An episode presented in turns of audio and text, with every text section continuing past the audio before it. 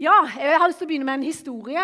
Jeg husker når eh, mannen min, eh, Ole Georg, da, han kom hjem eh, for noen år siden fra jobb en dag. Jeg tror, det var sånn, tror det var rundt 2000. For det hadde vært ekstremt mye regnvær. Altså, Vi hadde nesten danka Noah. For det hadde regnet i, eh, i, over en måned hver eneste dag. Og det, litt, det, er jo litt sånn Når du jobber ute Han er gravemaskinfører. og Når du jobber ute, og det regner og regner, og det er bløtt, og det er grått og det er fuktig Du kan liksom kjenne litt på at det kan bli litt tungt noen dager. Men så kommer han hjem denne dagen så sier han det. I dag måtte jeg bare le. For når vi sto der på morgenen og skulle kle oss og ta på oss det der eh, oljeuhyret, som jeg kaller det, det er sånn tjukt, stivt regntøy, skulle ta på seg det, så står der en arbeidskollega så sier han bare Dere, vi er heldige som får lov å ta på oss denne bunaden i dag, dere. Det var liksom bare med et stort smil og liksom bare heldig en var med dette her eh, tjukke regntøyet.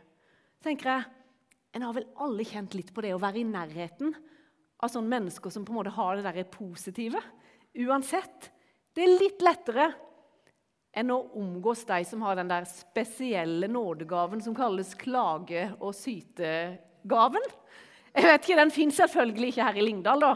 det gjør den nok ikke. Men i Froland har vi jo av og til kjent litt på den, spesielt i det siste. Og jeg har sjøl vært der. For det at... Eh, nå skjønner jeg jo at selvfølgelig alle dere ikke er kjent i Froland, selv om dere burde ha vært i Froland. Da, men, eh, men, det er noen som har vært i Froland her. Og hvis du ser for deg liksom en hovedfartsåre inn til Froland, se for deg en autostrada inn til Froland, den er for tida stengt. For der arbeides i, eh, i, det som vi kaller for Blakstadkleiva. Det medfører at vi må kjøre en ganske stor omvei for å komme til Arendal, f.eks. Og, og fort er det ikke for mennesker å uttale seg i forhold til dette her. Om alle som vet så mye bedre om åssen den jobben skulle ha vært gjort. For den er blitt nemlig forsinka med Er det et år nå? Ja. Det er, jo, eh, det er jo litt tid, da. Men det er så mange som vet så mye bedre om åssen den jobben skulle vært gjort. Eller hvor grusomt det å kjøre de minuttene ekstra. Eller hvor elendige de er de som har planlagt denne jobben. tenker jeg, Ja, det er jo tungvint å måtte bruke noen minutter ekstra. Og mye kunne sikkert ha vært gjort annerledes. Men så er det noe med våre perspektiver. For hvis alt er ut ifra meg sjøl, alt er ut ifra meg i sentrum, da blir det fort litt klaging. Men ut ifra litt andre perspektiver, om f.eks. å føre det til når veien blir ferdig Det blir jo fantastisk, vi får gang- og sykkelsti. Det blir jo mye tryggere. Eller hvis vi zoomer litt lenger ut eh, Og er egentlig det problemet med å kjøre de minuttene ekstra i forhold til hvordan andre mennesker har det andre plasser i verden. Og faktisk må jo noen gå like langt som vi har omkjøring. Noen må gå like langt hver dag for å hente vann eller for å komme seg til ei kirke. Og I dag er jo overskriften på taleserien det er 'takknemlig'. Og det med takknemlighet det er noe jeg har fått lære enormt mye om de siste åra. Og som har gitt meg noen erfaringer som jeg ønsker virkelig at skal få lov å prege meg resten av mitt liv. Og det rare er at når jeg har lært som mest med det i forhold til takknemlighet, det er de gangene i livet jeg har hatt det som verst. Jeg skal komme litt tilbake på det seinere. Men la oss begynne med hva Bibelen sier om takknemlighet. Og kilden til takknemlighet er. Det har lyst til å si litt om først. For du som er sånn organisert i hjernen at du må liksom vite litt hva som kommer. Så kommer det først. Og så har jeg lyst til å eh, peke på tre punkter som handler om takknemlighet. Og Det første punktet er perspektiv mer enn omstendighetene. Valg mer enn en følelse. Og takknemlighet som livsstil. Ok? Da har vi en liten plan. Men det som er viktig, er at alt begynner jo med Gud. Han er kilden. Han er opphavet. Og Vi kan jo lese om i Mosebøkene at mennesket er skapt i Guds bilde. Og I salmene kan vi fortsette med at du er ingen tilfeldighet. Du ble forma i mors liv. Du var, eh, du var, bare et foster når Guds øyne så deg. Og livet er på en måte en gave til oss. Livet er faktisk en gave. Gud skapte deg med en hensikt. Han ønska fellesskap med deg. Tenk verdens mester, skaper, han skapte oss fordi han ønska fellesskap med oss. Han ville ha fellesskap, og gjennom Jesus så har han gjort dette mulig. La oss lese Kolosserbrevet 1 ut ifra Hverdagsbibelen. Der står det i vers 13. Det er jo Han som har fridd oss ut av mørkets makt. Han har satt oss over i sin elskede sønns rike. Jesus har befridd oss fra denne verdens mørke krefter, og ved sin død og sitt blod får vi tilgivelse for våre synder. Han har vist oss Gud, han som før var usynlig for oss. Han var til før alt annet, og alt er blitt skapt ved ham og til ham. Alle ting, både det som er i himlene og det som er på jorden, både det synlige og det usynlige. Enten det er makter eller myndigheter, alt er blitt skapt til Jesus. Alle ting ble skapt ved ham og for ham. Han var til før noe var skapt, og det er han som holder hele verden sammen. Han som er begynnelsen på alt og Guds førstefødte. Han er opphøyet over alt som finnes. I min eh, nye fokusbibel så står det en overskrift på Kolosserbrevet, og der står det 'Den suverene Jesus'. Jeg syns det er så fin en overskrift. Den suverene Jesus over alt og alle. Og Det som er så fint at Den kristne tro står og faller jo på hvem Jesus er, og Jesus har gjort. Jesus er bildet av den usynlige Gud. Jesus viste oss hvem Gud er. Og det er jo bare Jesus som kunne gi sitt liv for hele menneskeslekta med å dø på et kors. Så fra Guds side så er all synd, all straff, det er sona.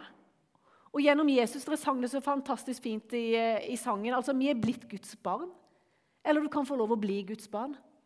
Tenk for et privilegium. Tenk at jeg kan stå her og kalle meg Guds barn. I'm a child of God. Tenk å få lov å være Guds barn. Og jeg opplever det sånn at Jo mer jeg ser hva Jesus har gjort for meg, og ikke bare alle andre, men hva han har gjort for meg, jo mer du kan få se hva Jesus har gjort for akkurat du, så er det noe med at den derre takknemligheten og gleden bare vokser. Den kjærligheten som bandt Jesus til korset. Da tenkte han på du. Så verdifull er du. Og jeg tenker det at eh, Kvinnen i Lukas 7 hun må ha sett noe av dette. Det må jo være, jeg ser for meg, Hun må være en av Nytestamentets mest lykkeligste kvinner. Altså, Beskrivelsen av henne er jo ganske unik. Vi vet ikke så mye om henne. Hun er mest sannsynlig en prostituert med et dårlig rykte i byen. Så er det sånn at Jesus han ligger her til bords i fariseernes hus. Og tenkte jo det at Egentlig så burde Jim ha lagt her i dag liksom, og spilt Jesus. Han hadde likt det godt hvis han kunne ligge til bords og liksom bare ligge der og spise. Men jeg tenkte du har jo fri da i dag, liksom, så du skal få lov å bare sitte. Ja. Men i hvert fall, denne dama hun får høre at Jesus er der i det huset. Og hun er ikke invitert. Mest sannsynlig så er hun kanskje ikke velkommen inn i det huset. i det hele tatt. For Det var verken naturlig eller vanlig på den tida at at damer i Frolandsheimen bare busa inn. jeg vet ikke hva dere sier her for noe, men at liksom bare damer busa inn i det huset. Men det kan virke som at det var ingenting som kunne hindre henne fra å inn i det huset den dagen. Hun visste at Jesus var der. Hun måtte bare få takke han. Ingenting kunne hindre henne i at hun måtte inn i det huset og gi en takk. Hun var takknemlig for den synda som var tilgitt. Ikke engang jeg ser for meg, ikke engang de fordømmende blikka alle tankene sikkert hun kjente på, orda, tankene Ingenting kunne stoppe henne. Hun måtte inn i det huset. Og så kan vi lese at hun stilte seg bak Jesus med beina hans, og så grein hun. Og så begynte hun å vaske beina hans. Og så tørka hun dem med håret sitt. Og så salva hun beina til Jesus med olje. Takknemligheten hennes fikk et uttrykk den dagen. Takken satte Jesus i sentrum. Den Jesus var, og det han hadde gjort i livet hos oss. Jeg tror det at dersom nåden i våre liv, hvis vi får se den mer og mer, og vi virkelig har fått tilgitt hvem Jesus virkelig er, takknemligheten til han, da tror jeg takknemligheten til han og kjærligheten vår til han vil vokse. Jo mer jeg får lov å se meg sjøl med Jesus sine øyne, jo mer takknemlig blir jeg.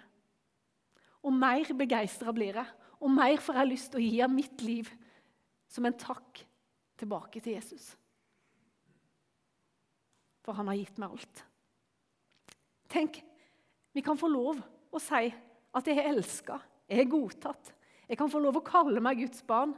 Ingenting skiller lenger mellom meg og Gud. Jeg kan frimodig komme fram for hans trone hver eneste dag. Jeg kan starte dagen med å løpe inn i Guds kjærlige armer. Og han tar imot meg hver eneste dag. Takke, Jeg kan få lov å takke for livet, takke for at han elsker meg, takke for at hans nåde er ny hver dag, takke for at jeg kan få lov å arbeide ut ifra hvile hos han. Alt starter med Gud. Han er opphavet. Han som elska meg allerede mens jeg var en synder. Da tenker jeg at vi kan se litt på de tre punktene som jeg nevnte i starten. Så Kanskje det kan være en hjelp inn i vår hverdag, inn i våre liv. Første punktet var perspektiv mer enn omstendighetene. Og lett er det vel ikke å finne noe å klage over. Bensinprisene, som er blitt skyhøye, strømprisene Og det regna jo fire dager i ferien, selv om det var sol kanskje alle de andre dagene. Enten er det for varmt, eller så er det for kaldt. Altså, Framtida, sykdom i familien, kan være kjempeutfordrende og vanskelig. Bekymringer, frykten for framtida. Altså, du kan sikkert bare fortsette på den lista. Der er mye. Og spesielt hvis jeg setter meg sjøl i sentrum hele tida, mine behov, så blir det fort litt smalt. Og jeg trenger i hvert fall i mitt liv å utvide de perspektivene. Jeg trenger hjelp til det, å løfte blikket. For det er forskjell på å se alt fra froskeperspektiv. Hvis du setter deg ned og ser som en frosk Alt blir så stort, så overveldende, virker så håpløst og umulig.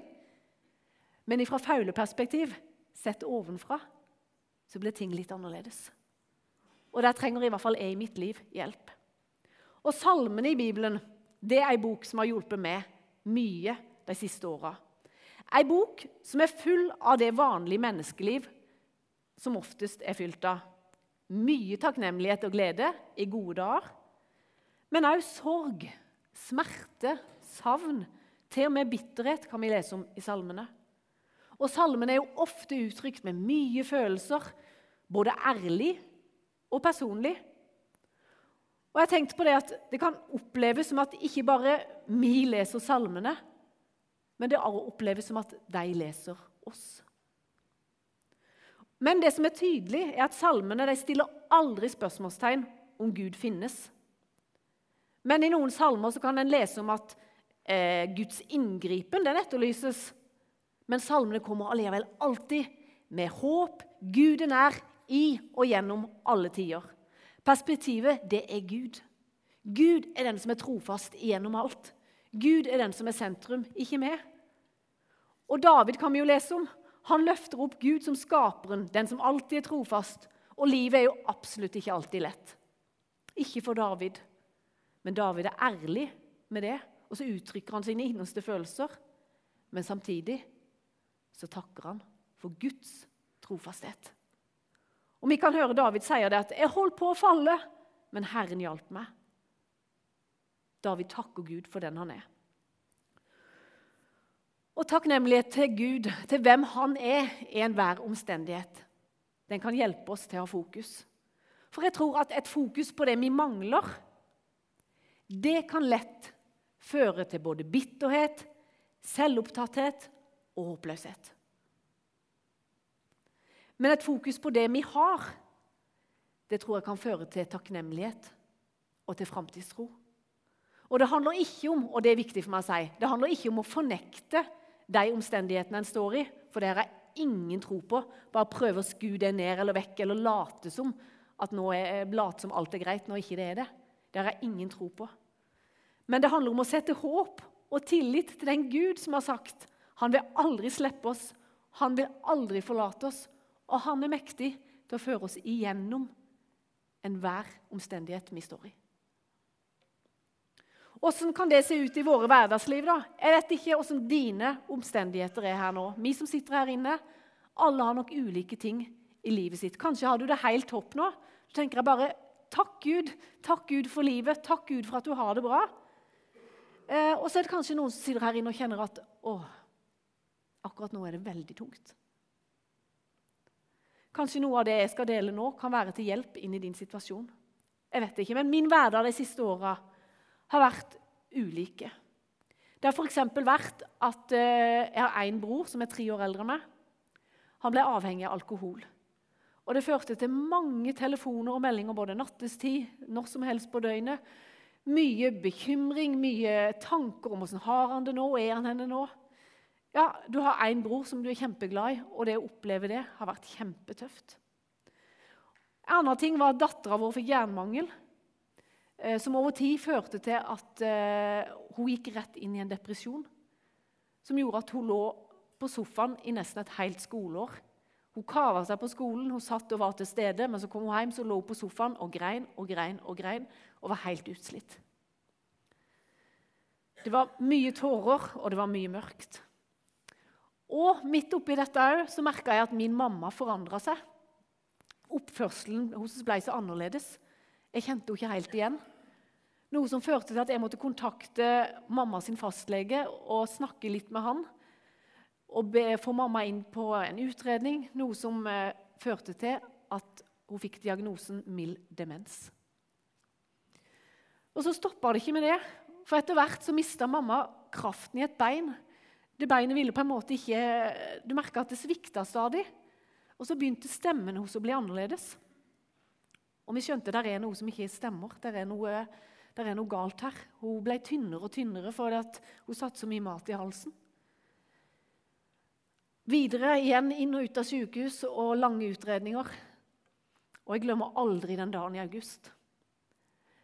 Da fikk jeg og mamma og pappa beskjed om at hun hadde fått diagnosen ALS en forferdelig og brutal sykdom der du fra dag én bare får beskjed om her er dessverre ingenting vi kan hjelpe dere med. Der er ikke noe håp. Hun kommer til å dø. Vi vet bare ikke når og åssen hun kommer til å dø. Det var tøft. Og sjøl er jeg kjempeheldig som alltid har hatt en god helse. Stort sett aldri syk. Men det å stå ved sida av noen som du er så glad i, og se og oppleve at jeg går igjennom så brutale ting, det har vært kjempetøft. Og jeg er så glad for at jeg har fått med meg en bagasje hjemmefra om å være takknemlig. Og jeg øvde meg på det i gode tider. Og en vane som jeg har bygd opp, det er at når jeg setter beina i gulvet på morgenen, så takker jeg Gud for en ny dag. Jeg takker Gud for at han allerede er i den dagen. Og jeg takker Gud for at han er det som gir meg styrke til enhver dag. Jeg var så glad for at jeg hadde bygd det inn i gode dager. At det var en vane for meg som jeg kunne fortsette med når stormene kom. Jeg kunne takke for at det handla ikke om at jeg skulle være sterk, men om at gleden i Gud var min styrke. En kraft og en styrke som kom utenfra, den handla ikke om meg sjøl, men hadde tilgang til en kraft utenfra. Og Mamma sjøl var et forbilde på det med perspektiver og klare å se ting midt i sin brutale sykdom. Fra å være en Duracell, full av energi, som elska livet og gjerne stilte opp for alle andre mennesker, så ble alt snudd på hodet når ALS-sykdommen ramma henne. Og vi grein mye. Vi grein grusomt mye. Og tanken på alt det hun skulle gå igjennom. Av lammelser i muskler, arm og bein, eh, svelg, pustemuskulatur. Altså, Det holdt på til tider på å kvele meg. Det var så vondt å tenke på. Men så bestemte vi oss for vi må finne noe å takke for hver dag. Vi må finne noe å takke for hver dag. Det kunne hjelpe oss til å holde perspektivet vekke fra bare de grusomme omstendighetene. Og mamma hun var helt rå. Hun takka for at hun hadde penger til å spandere på oss andre på kafé når hun ikke lenger klarte å svelge maten sjøl, men måtte få mat gjennom pegg eller sånn slange rett inn i maven. Tenk hvor heldig jeg er som kan spandere og gi mat til dere. Og sa der og smilte når hun ikke lenger kunne spise napoleonskake sjøl. Hun var enormt takknemlig for alle vennene og familien som stilte opp og var der sammen med henne når ikke lenger hun kunne klare å farte rundt.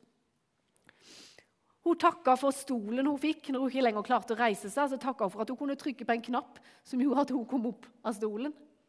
Og det mest enorme var, det glemmer jeg ikke den dagen, hun hjemme måtte få heis for å klare å bli løfta ut av senga. Så hang hun der i denne seilheisen. Hun veide vel bare 40 kilo. Så smilte hun med de få musklene hun hadde igjen i ansiktet. Så uttrykte hun seg på en måte som jeg klarte å få med meg. Hun takka for at hun hadde denne heisen, og så smilte hun, for det måtte jo være det nærmeste hun går på fallskjerm. hun var helt rå, den dama. og legene sa at i hennes situasjon så var det veldig normalt at hun kunne blitt bitter. Og hun kunne på en måte blitt vanskelig å ha med å gjøre. For det er mange som selvfølgelig når de opplever så brutal en sykdom, at det er vanskelig å takle. Men mamma var helt enorm. Så omstendighetene med både broren min, dattera vår og mamma det er jo ikke akkurat noe som gir grunn til begeistring og takknemlighet. Men alt dette her som jeg har gått igjennom, det har virkelig gjort noe med meg. For erfaringen av å kjenne seg som helt hjelpeløs og enormt svak, men det å få lov å kunne kaste seg hver eneste dag i armene på Han som er den store og den sterke. Han som har lovt at som dine dager er, så skal din styrke være. Han som har sagt 'frykt ikke, for jeg er med deg'. Det å kunne takke og ta imot fra en kilde utenfor seg sjøl, det har skapt en enorm takknemlighet og begeistring i meg som ikke jeg kan skape i meg sjøl, som bare Jesus kan gi meg. Det går bare ikke an. Og jeg har fått en visshet om at å enn i livet som jeg møter, så er det bare Jesus som jeg behøver. Omstendighetene dine trenger ikke være avgjørende for din takknemlighet. Men det med å løfte blikket til Jesus i alle livets situasjoner Det kan hjelpe du, og det hjalp meg, i enhver situasjon. Og gleden over at Gud, han er min styrke. Punkt to det var valg. Takknemlighet, det er valg mer enn en følelse. Jesus han løfter fram det at takknemlighet er mer et valg enn en følelse. Og Historien om de ti spedalske den forteller oss det. Vi kan jo bare prøve å sette oss inn i hvordan det må ha vært for dem. For spedalskhet var jo en sykdom som gjorde at en ble sett på som urein eh, brutale ting som skjedde i kroppen. Knuter, sår, ble, blemmer Jeg bare ser det var som kroppen på en måte, eller den råtna vekk. Mye smerte og lukt, men ikke minst, tenker jeg, smertene over å bli utstøtt. Det å ikke kunne få lov å være en del av de andre. Kjenne på det utenforskapet. Tenk i forhold til både kone, mann, barn, familie, venner. Det å måtte bo på utsida av leiren. Vi kan jo bare prøve å forestille oss det. Og historien i Lukas 17 så handler det om de ti spedalske som ble helbreda av Jesus på veien mellom Samaria og Galilea. Men én av dem vendte tilbake for å takke Jesus. Alle de andre løp av gårde. Én valgte å komme tilbake og takke Jesus. Jeg hørte en gang en historie som illustrerer eh, dette med takk. Det er jo bare en fiktiv historie, selvfølgelig, men jeg har lyst til å bare dele den. For det var, det var to engler som ble kalt fram for Guds trone i himmelen. Eh, og Begge fikk utdelt hver sin korv. Og så fikk de i oppdrag å fly ut i verden for å samle inn, eh, samle inn de bønnene som menneskene ba. Og den ene ta, den ene skulle samle inn bønnene som eh, handla om ønsker. Det var det de skulle putte i korva. Alle ønskebønnene skulle i korva til den ene engelen. Og den andre engelen den skulle samle inn takkebønnene. Det var beskjeden de fikk. Og så fløy de av gårde for å utføre oppdraget sitt. Og den første han fikk det enormt travelt. Han måtte fly overalt. For det var jo så mange behov. det var så mange ønsker. Flere ganger om dagen så måtte han fly tilbake til Gud og tømme denne korva. Det var liksom ikke måte på hvor mye menneskene ønska seg. Enten sjøl eller på vegne av andre. Men den andre engelen, derimot, den hadde det langt roligere. Sjøl etter endt arbeidsdag så var ikke korva full bestandig. Og noen ganger så måtte han fly lenge rundt for i det hele tatt finne noe å gjøre. Og til slutt så ble denne engelen litt lei. Så han kom igjen fram for Guds ansikt og så ba han seg kan jeg bli fritatt fra denne jobben. Jeg ønsker ikke lenger å samle inn de ønskebønnene. Jeg ser jo den andre kollegaen mine er travelt opptatt. Da smilte Gud. Så sa han, 'Nei, mitt barn.' Og engelen ble litt forvirra. Ja, ja, men jeg ønsker jo å tjene deg, Gud, med alt det er og alt jeg har. Og så sa Gud til engelen, 'Men det er jo den du, korva du kommer med til meg, som jeg alltid gleder meg så til å se.' Nettopp den korva den viser hvor mye menneskene setter pris på det som eh, jeg allerede har gjort for deg. Jeg vil at du skal fortsette å samle inn den korva. Og så lente Gud seg litt fram, og så sa han takk. Det er noe med den takken. Takknemligheten vår. I Filippobrevet 4 så står det det, det kan vi ikke lese sammen. Nå har jeg snakka så mye. Nå kan dere bruke munnen litt. Er dere klare? Vær ikke bekymret for noe, men la i alle ting bønneemnen deres komme fram for Gud i påkallelse og bønn med takk. Og Guds fred, som overgår all forstand, skal bevare deres hjerter og deres tanker i Kristus Jesus. Var det ikke det du òg eh, leste? Ja, fantastisk. Et fantastisk bibelvers som jeg virkelig har levd og bodd i i løpet av sykdomsperioden med mamma. For det går ikke an å bare skape en fred eller prøve å ta seg sammen når det er så mye kaos som skjer, så mye vanskelig og så mye vondt som skjer. Og det å være i det bibelverset der Når Gud sier 'vær ikke bekymra for noe' Og selvfølgelig bekymrer vi oss. Det er jo menneskelig. Men vi får lov å kaste vår bekymring på Han.